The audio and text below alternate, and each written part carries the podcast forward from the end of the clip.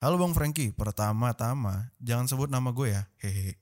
Gue mau izin curhat bang, kalau dibaca makasih, kalau enggak juga nggak apa-apa. Jadi gue baru aja ketolak PTN yang gue mimpikan dari SMP. Jadi mantan gue ini adalah cowok pertama yang lihat badan gue. Nah pas video call itu, karena obrolannya udah mulai ngelantur, tiba-tiba dia ngajak VCS. Aduh. Reunion Podcast.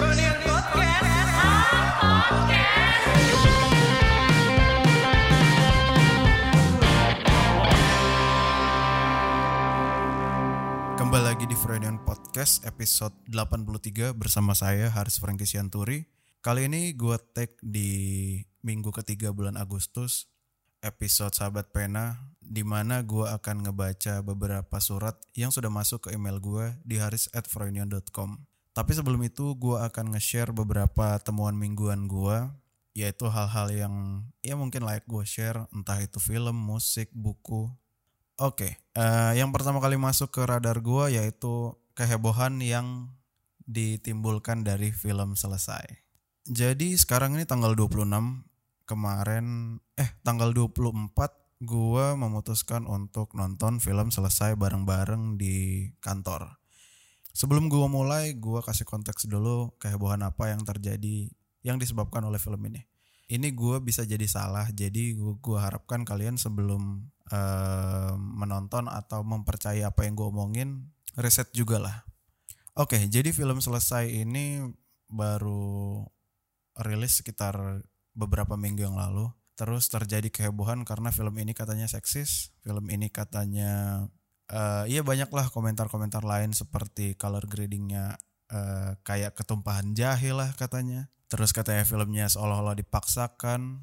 Berangkat dari komentar-komentar itu, gue nggak tahu siapa yang bikin space di Twitter. Gue juga nggak dengar sih waktu itu space-nya ngomongin apa. Tapi waktu itu pas gue buka Twitter malam-malam sekitar jam 10-an, ada kehebohan tuh katanya eh, Dr. Tompi blunder. Intinya di satu space itu ada banyak apa ya sineas gitulah atau kritikus film yang menyampaikan pendapatnya langsung sama Dr. Tompi. Nah waktu itu mulai sekarang gue manggilnya Tompi aja ya. Nah jadi di space itu Tompi dikritik langsung dan sepertinya sikap yang diambil Tompi defensif. Berdasarkan kehebohan yang terjadi, gue akhirnya memutuskan untuk nonton film itu bersama teman-teman di kantor. Untuk nonton filmnya kalian harus ke website yang namanya bioskop online. Jadi filmnya sebenarnya sangat sederhana. Ceritanya cuma tentang perselingkuhan di rumah tangga Broto yang diperankan oleh Gading Martin dan istrinya Ayu yang diperankan oleh Ariel Tatum dan selingkuhannya Broto yang diperankan oleh Anya. Beberapa poin yang langsung muncul di kepala gue setelah filmnya berjalan sekitar 30 menit yaitu kenapa alur ceritanya lambat banget. Sekitar 40 menit mereka masih mempermasalahkan celana dalam. Eh, soal color grading juga menurut gue untuk tesnya gue ya terlalu kuning sih, terlalu warm sih pas 40 menit jalan filmnya baru gue sadar oh ternyata itu memang alurnya lama karena sama sekali nggak ada perubahan posisi matahari di film itu gitu loh. Jadi selama 40 menit kayak kondisi lightingnya sama terus. Kayak nggak ada selama 40 menit filmnya berjalan nggak ada tuh sama sekali scene yang malam-malam hari. Terus menurut gue juga ada karakter Darto sama Tika Panggabean yang mana terlalu dominan. Jadi kayak gue nggak tahu nih sebenarnya tujuannya untuk membuat lucu apa gimana. Soalnya gue nggak dapet nggak dapet taste of jokes yang ditampilkan di film ini sih. Apalagi yang dibawa oleh karakter Darto dan eh, Tika Panggabean ini. Beberapa oke lah ada yang gue kayak sedikit giggling gitu. Hmm, oke gitu. Tapi nggak yang ngakak banget. Di kepala gue tuh kayak film yang jokes jokes diarahkan ke arah jokes nakal gitu. Mungkin gue emang nggak nggak nyambung aja sih. Mungkin untuk bapak-bapak yang sudah berkeluarga gitu. Untuk om-om masih masuk lah. Selain alur ceritanya yang lambat eh, film ini juga menurut gue harusnya masih bisa dipersingkat sih durasinya.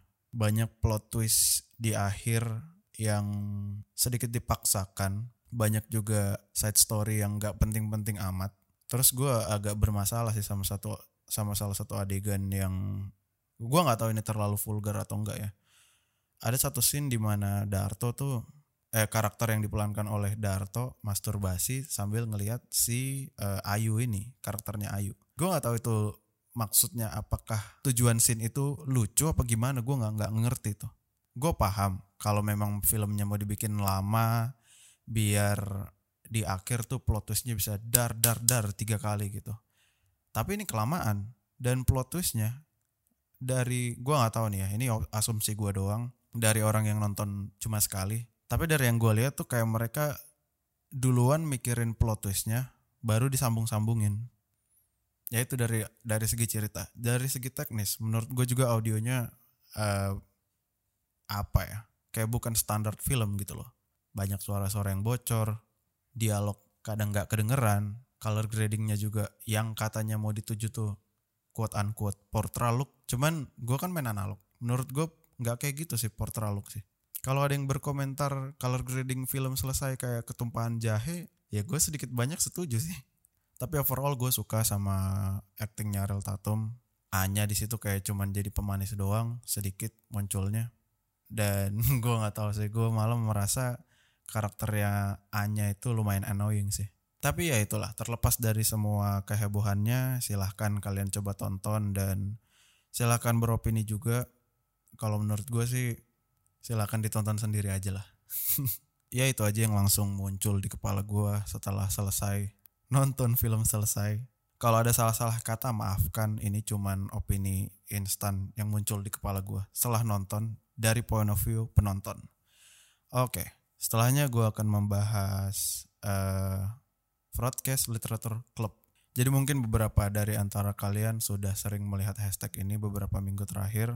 Hashtag ini muncul dari keisengan gue, di mana gue bikin iseng-iseng aja. Tadinya tuh sebenarnya dari Broadcast Literature Club karena di broadcast kita sering ngebahas buku. Kenapa hashtag ini bisa muncul? Karena kita di Froynion lagi bikin konten challenge membaca satu jam selama satu bulan. Gue nggak tahu ini bakal tayangnya kapan uh, videonya, tapi kalau gue pribadi kenapa gue mau ikut join challenge ini karena yang pertama gue udah ngerasain banyak banget keuntungan yang gue dapatkan dari membaca Salah satunya yang paling kelihatan tuh kalau kalian dengerin broadcast episode awal sama episode akhir-akhir ini kelihatan lah perbedaannya. Uh, eh, gue jadi lebih berani beropini, berani berargumen, tahu apa yang mau diomongin.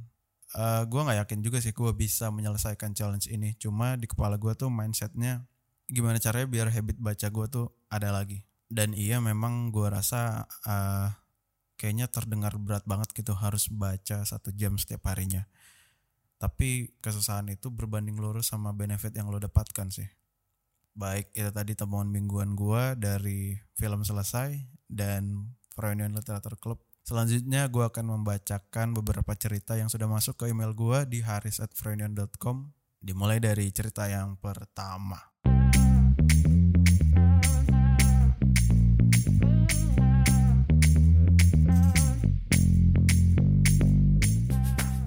Sebelumnya perkenalkan nama gue Lutfi dalam kurung nama samaran.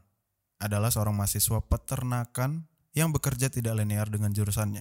Usia 23 tahun.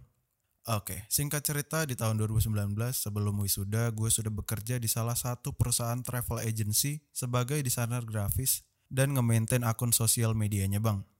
Alhamdulillah gue keterima jalur rekomendasi dari temen karena sebelumnya gue cukup aktif nge-maintain akun sosial media Hima jurusan gue. Sampai sini semuanya berjalan lancar. Di tahun 2020 semua berubah ketika pandemi menyerang. Wih, perusahaan kami yang berkecimpung di dunia travel jelas terkena dampaknya. Gue dan pegawai lainnya pun mengalami pemotongan gaji yang mana menjadi jauh di bawah UMR. Sebenarnya kondisi ini lebih baik mengingat perusahaan lain bahkan harus mem-PHK masal karyawannya. Namun, dengan pendapatan yang ada saat ini, gue pun mencoba berinisiatif untuk mencari masukan lainnya. Sebelumnya gue mempunyai hobi menonton anime dan membuat ilustrasi digital. Awalnya gue nggak begitu pede untuk nge-publish karya gue.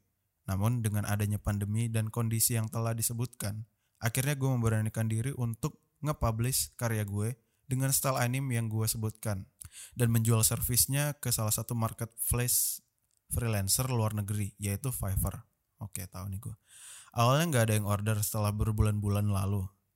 Akhirnya ada orderan masuk dan berlanjut ke orderan-orderan lainnya. Gue lampirkan linknya di sini abang bisa lihat. Jadi akun jualan si masnya ini di Instagram at pure.circle p u r e dot c i r c l e silahkan kalau mau uh, silaturahmi setelah memantau penghasilan freelance gue masih lebih dari kantor selama tiga bulan akhirnya gue memutuskan untuk resign 2021 akhirnya gue wisuda jalur pandemi saatnya fokus untuk kembangin apa yang gue punya penghasilan gue sebagai freelance gue pakai sebagian untuk gue sendiri sebagian untuk meringankan beban orang tua permasalahannya dimulai dari sini di saat gue bekerja di rumah sebagai freelancer, orang tua gue mulai cemas dengan prospek dan masa depan yang terkait dari pekerjaan gue. Gue tahu itu tanda ortu gue masih perhatian sama gue. Tapi gue cuma pengen fokus dan mereka ngasih kesempatan ke gue untuk ngembangin hal ini. Kebetulan apa yang gue kerjakan saat ini adalah passion gue. Padahal gue udah open mengenai pendapatan gue dan sebagainya ke orang tua gue. Namun mereka masih kekeh buat gue setidaknya jadi PNS atau bekerja di perusahaan negeri. Secara lisan, gue mungkin masih kukuh ingin stay di pekerjaan ini. Namun, secara pemikiran, gue mulai goyah dan cemas terhadap masa depan gue. Kecemasan itu bahkan ngebuat gue kecemasan itu bahkan ngebuat gue buat mulai belajar saham beberapa hari belakangan ini. Ya bagus dong. Dan kecemasan itu juga mengganggu mood dan fokus dalam pekerjaan gue yang numpuk saat ini. Menurut abang gimana caranya untuk mengembalikan keyakinan gue dan orang tua gue Maaf kepanjangan ceritanya bang, mudah-mudahan dibaca. Terima kasih. Oh iya, makasih juga buat abang-abang broadcast yang nemenin gue selama ngerjain deadline. Mulai ngikutin broadcast dari Bang Aswin belum punya pendamping hidup. Emang belum punya dia sampai sekarang kan, belum menikah. Sukses terus broadcast, thank you bro. Oke, pertanyaan lo adalah gimana cara mengembalikan keyakinan kedua orang tua lo dan menghilangkan keraguan terhadap apa yang lo kerjain. Dari apa yang gue tangkap sih, orang tua lo ini pasti khawatir sama apa yang lu kerjakan sebabnya adalah karena nggak adanya kestabilitasan gue nggak tahu tapi gue asumsikan orang tua lu paham kalau pekerjaan saat ini tidak ada kepastiannya gitu tergantung sama jumlah klien yang lo dapatkan setiap bulannya ini memang ya orang tua pasti kayak gini gue juga pernah baca studinya kalau angkatan generasi di atas kita tuh lebih memilih kestabilitasan daripada ya job-job freelance kayak gini lah yang pertama ya lo bilang dulu ke orang tua lo kalau ini sementara gitu. Kalau lo sebagai freelancer ini sementara dan akan berubah ketika situasi pandeminya sudah selesai. Bilang aja nanti juga kalau misalnya pandeminya udah selesai lo bakal nyari pekerjaan yang lebih uh, quote unquote stabil gitu. Kalau gimana caranya mengembalikan uh, confident lo, gue rasa confident lo akan balik ketika masalah ini solve sih. Jadi yang paling penting tuh ya gimana caranya orang tua lu yakin sama lu dulu sih. Saran gue ya itu tadi. Lo komunikasikan bahwa nanti ketika situasinya membaik, lo akan mencari pekerjaan yang lebih stabil, yang lebih menjamin, yang lebih um, bisa membuat orang tua lo nggak khawatir sih. Oke, selanjutnya dari nggak usah disebutin. Jadi gue adalah perempuan saat ini usianya 21 tahun. Bisa dibilang ini adalah masa-masa terberat gue selama hidup. Berawal dari adanya covid, terus bokap kerja pulang gak pernah bawa duit. Bokap gue selama pandemi ini emang harus tetap keluar rumah karena kerjanya jadi supir taksi. Beruntungnya ada orang-orang yang baik yang bagi-bagi sembako pada saat itu. Waktu itu bokap gue kalau pulang selalu bawaannya sembako bukan lagi duit. Udah gitu di hari ulang tahun gue, gue harus magang di Jakarta. Dalam kurung rumah gue bukan di Jakarta BTW. Jadi harus ada pengeluaran tambahan untuk biaya kosan. Sebenarnya gue punya duit sendiri karena alhamdulillah keterima kuliah dengan beasiswa bidik misi. Keren. Tapi waktu itu belum cair uangnya, jadi ya gitu deh. Untungnya ada teman yang baik banget mau numpangin gue selama dua bulan di rumahnya. Wow. Terus sekarang gue harus cari kerjaan tambahan buat biayain kebutuhan kuliah gue yang lainnya. Karena jatah beasiswanya udah habis, udah ada panggilan interview sih kemarin tapi belum ada kabar lagi. Doain ya bang. Terima kasih bang Franky udah dengerin curhatan gue. Maaf kepanjangan. Gue juga mau bilang makasih ke orang-orang baik yang udah bantuin gue dan orang tua gue di masa-masa sulit ini. Semoga kita selalu dalam lindungan Tuhan. Amin. Bagus banget kalimatnya nih. Si mbaknya kan gak minta saran. Jadi ya terima kasih mbak udah ngirimin ceritanya. Mudah-mudahan dapat pekerjaan dan jadi lebih tangguh lah ya selama pandemi ini. Oke. Okay.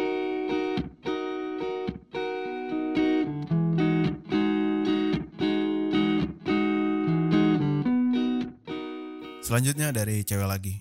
Ini adalah nggak usah dibaca lah namanya. Halo Bang Frankie, gimana kabarnya? Semoga sehat selalu fisik dan mental ya. Hehe. Kenalin Bang, nama gue W, mahasiswa semester akhir di salah satu kampus swasta di Jakarta. Hari ini mau cerita sedikit dan minta sarannya. Jadi gini Bang, Januari kemarin gue sempat pacaran sama cowok yang kenal dari Bumble. Ya, online dating nih. Sebelumnya kita udah intens komunikasi gitu selama tiga bulan dan udah sempat ketemu juga. Sayangnya waktu itu kita LDR Jakarta-Bandung.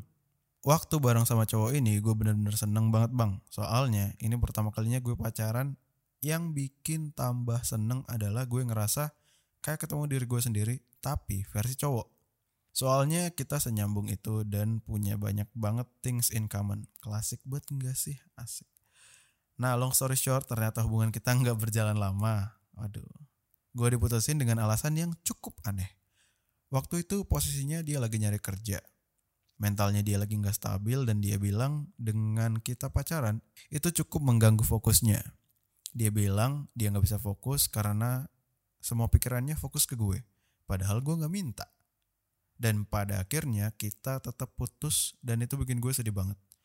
Rasanya kayak kehilangan pacar sekaligus sahabat. Waktu itu gue mikir, kalau dia sayang sama gue, kenapa gue yang dibuang? sorry, sorry intonasi gue jelek banget. Dan yang lebih sakitnya, nggak sampai sebulan setelah putus, dia udah deket sama cewek baru. Ya, ya ini mah basa-basi mbak. Sedangkan gue belum siap buat deket sama siapa-siapa. Pas habis putus berapa kali kita sempet kontekan. Eh, kadang dia minta bantuan gue, gue selalu bantuin selama gue bisa. Apa nih bantuinnya? Tapi ketika gue yang butuh bantuan, dia nggak pernah ada buat bantu gue. Sekarang udah enam bulan semenjak kita putus, dan gue nggak bisa move on. Tapi gue cuma pengen bisa temenan baik aja sama kayak dulu lagi. Semakin gue coba untuk berteman sama dia, semakin dia ngejauh dan push me away. Telepon gak diangkat, gue chat nggak pernah dibales. Gue sedih banget bang, karena sekarang benar-benar kehilangan dia sebagai teman.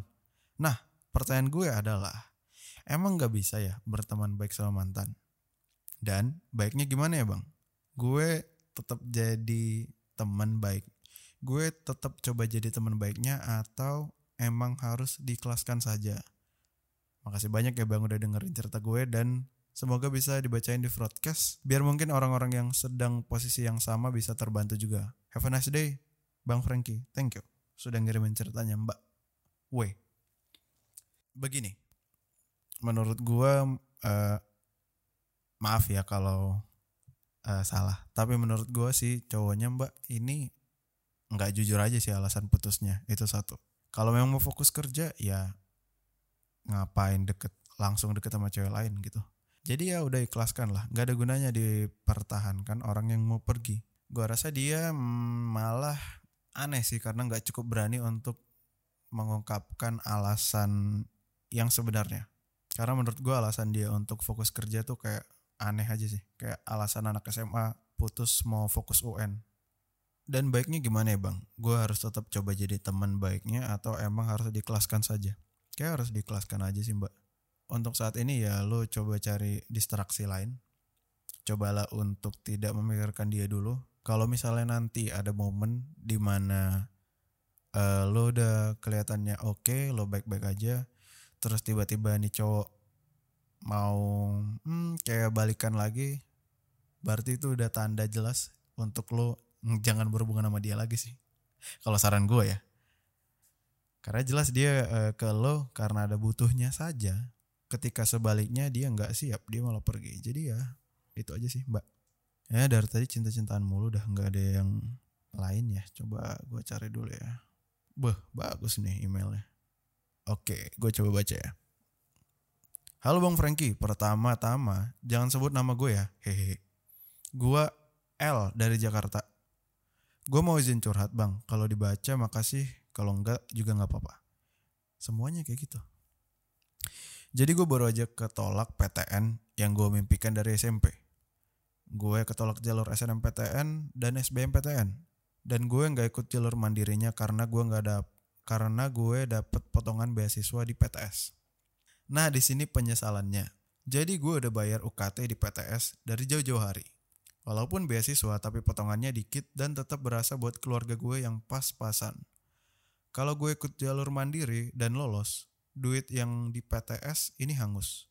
Karena takut tuh duit hilang dan gue harus ngerepotin bapak gue nyari duit lagi, jadi gue memutuskan gak ikut ujian mandiri dengan kepedean gue yang di atas rata-rata bakal lolos. Tapi ternyata semua yang gue bayangin berbanding terbalik. Gue gak lolos PTN, gue nangis seminggu, nangis kejar bener-bener nangis sampai nggak bisa napas rasanya sedih banget mimpi gue berakhir di situ karena gue nggak bisa ikut ujian mandiri lagi apalagi orang-orang tahu gue belajar segila apa dan banyak banget yang bilang tenang lo pasti lulus kok banyak yang percaya gue bisa jadi pas gue gagal rasanya gak ada kemampuan buat temuin orang-orang itu walaupun mungkin perkataan mereka cuma sekedar basa-basi tapi gue tetap takut ketemu orang. Gue juga takut denger respon orang tentang kegagalan gue. Gue kira lebih susah ngerelain duit jutaan di PTS dengan kondisi keluarga gue yang pas-pasan. Tapi ternyata belajar ngelepasin mimpi gue juga cukup bikin gue stres banget. Kesedihan ini berlanjut sampai gue lihat teman-teman gue lolos di univ impian gue dengan jurusan yang gue mau dari jalur mandiri. Gue ngerasa jahat banget. Gue malah nangis di saat teman gue dapat apa yang mereka mau. Gue bahkan gak sanggup buat ngucapin selamat saat itu juga. Gue tahu kok gue lebay banget, tapi gue gak ngerti caranya biar gue gak terlalu cengeng. Gue ngerasa gue gak hoki banget bang. Teman gue yang kelihatan usahanya sedikit dan sering banget main malah lolos. Bahkan teman gue yang cuma berniat ngejar cowoknya doang bisa lolos. Kenapa gue yang udah belajar mati-matian dengan niat mau belajar beneran dengan skor yang gak terlalu kecil malah gak bisa lolos? Gue tahu ini pemikiran salah karena harusnya gue bersyukur masih bisa dapetin beasiswa. Tapi gue juga bingung gimana ngiklasin mimpi gue yang udah bertahun-tahun. Terus gue juga jadi kurang semangat buat kuliah. Apalagi pas pandemi gini, teman-teman gue makin lama hilang satu-satu. Gue benar-benar sendirian dan pikiran gue makin acak-acakan. Gue minta saran aja sih bang, how to deal with failure. Dan gimana biar gue bisa semangat lagi buat kuliah. By the way, thanks banget buat Frenion. Frenion jadi salah satu alasan gue berhenti nangis, terutama broadcast yang sudah nemenin gue selama masa nangis-nangis itu. Makasih Bang Frankie dan Mas Aswin, karena gue ulang podcast yang lama juga. Segitu aja sih Bang, maaf kalau acak-acakan. Sehat selalu Bang, God bless you. Gimana ya? Kalau menurut gue, how to deal with failure itu ada dua ada dua yang langsung uh, muncul di kepala gue. Yang pertama emotionally, yang kedua setelah beres lo menstruktur ulang ambisi lo atau mimpi lo. Masalah emosional ini biasanya yang menyembuhkan ya waktu ya. Lo biarin lo take time for yourself, lo sadarin um, lo sudah berusaha semaksimal mungkin, Terus kalau mau sedih ya luapin kesedihan lo, kalau mau marah luapin kemarahan lo. Kalau mau nangis silahkan. Tapi jangan berlarut-larut. Apa ya? Give yourself some times. Uh, gue nggak tahu ngapainnya kegiatannya. Kalau gue sih waktu pusing banget waktu itu pernah naik kereta nggak tahu ke mana nggak ada tujuan naik kereta aja gitu sambil denger lagu tapi cuma satu hari itu Maya mungkin kalau lebih berat kayak masa lalu ini bisa nyobain hal baru kali ya nggak tahu itu traveling kali ya traveling ke desa gitu ketemu nenek lo ketemu orang-orang yang uh, apa ya, yang bisa cheer yourself up gitu loh yang bisa ngebikin lo seneng lagi. Ketemu orang-orang itu penting.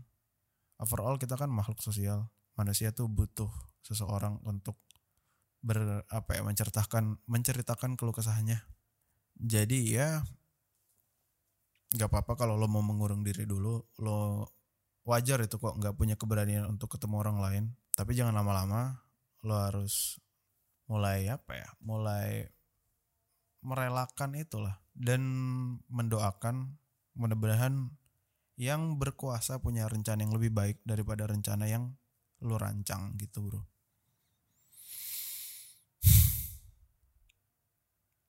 gue tahu sih seberapa malesnya ketemu orang kalau udah lagi kayak gini tuh. Uh, kalau gue kalau konteksnya yang lebih sederhana gitu misalnya nggak mau ketemu orang biasanya justru mandi lah dress up beresin kamar lo gue pernah lihat tweet di twitter tuh kalau hidup lagi berantakan setidaknya kamar lo rapih gitu. Jadi kalau mau mulai mungkin ya lo rapin kamar lo mandi dress yourself uh, dandan kalau bisa uh, kalau udah cukup siap baru ketemu teman-teman ketemu orang-orang yang sayang sama lo kayak gitulah. Jangan terlalu berlarut-larut lah bro.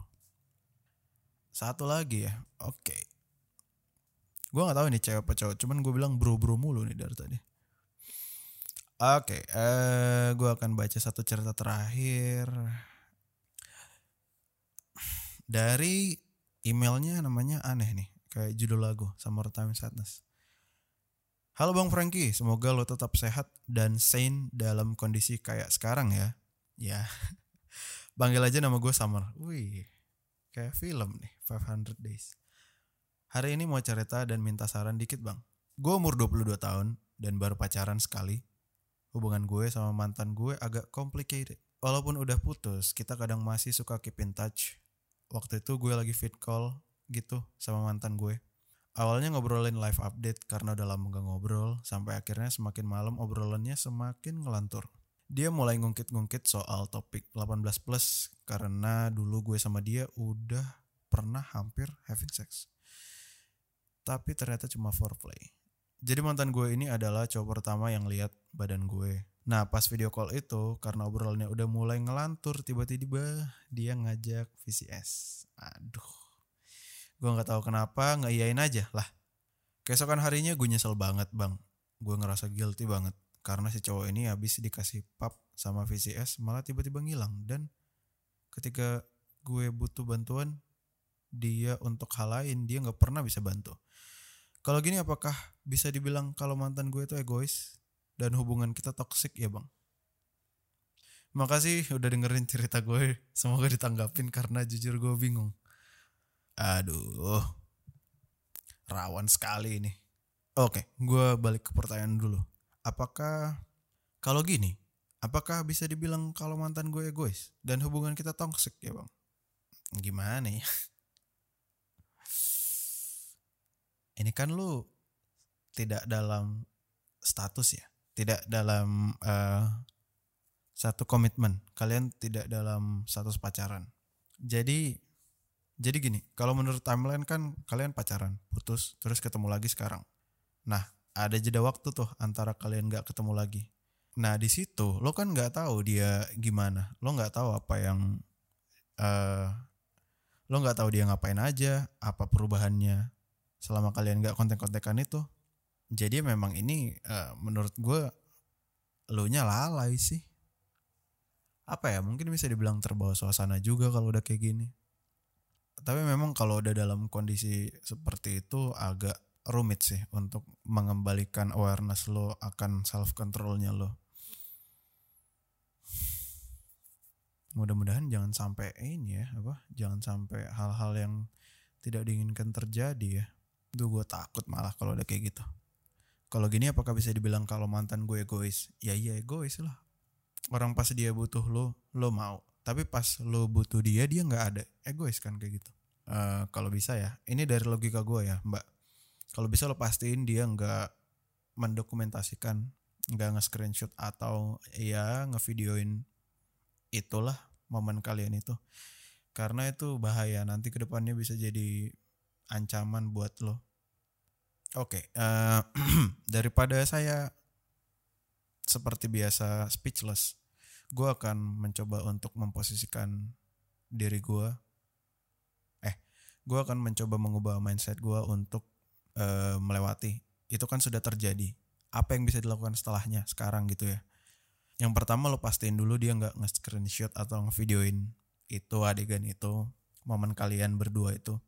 Setelah sudah pasti nggak misalnya dia nggak nyimpan foto atau screenshotan apa gitu dari uh, dari VCS atau dari pub itu lo pergi dah lo blok dia dan lo sadarkan diri lo ke depannya jangan sampai lalai seperti ini lagi karena ini sangat fatal, bahaya. Ingat kalau ya jangan gampang terbawa suasana kalau tidak mau menyesal. Terima kasih untuk semua yang sudah mengirim ceritanya di segmen Sahabat Pena ini. Untuk kalian yang mau ngirim bisa dikirim ke email gua di haris@froinion.com. Silakan cerita eh, saran eh silakan bercerita minta saran hmm, apa pun lah silakan tulis kirim ke gua. Kalau menurut gua like dibacakan akan gua bacakan. Kalau menurut kalian menceritakan bisa meringankan, silahkan kirim ke email saya terbuka lebar. Oke, terima kasih teman-teman yang sudah mendengarkan Foreign Podcast episode Sahabat Pena ini. Jangan lupa follow Foreign Podcast di Spotify biar lo langsung dapat notif di home Spotify lo kalau misalnya broadcast baru ngupload episode terbaru. Terima kasih sudah mendengarkan. Semoga semuanya sehat-sehat. Semoga semuanya diberi kekuatan untuk menghadapi apa pun masalah yang sedang kalian hadapi. Terima kasih sudah mendengarkan. Sampai jumpa di episode selanjutnya. Bye guys.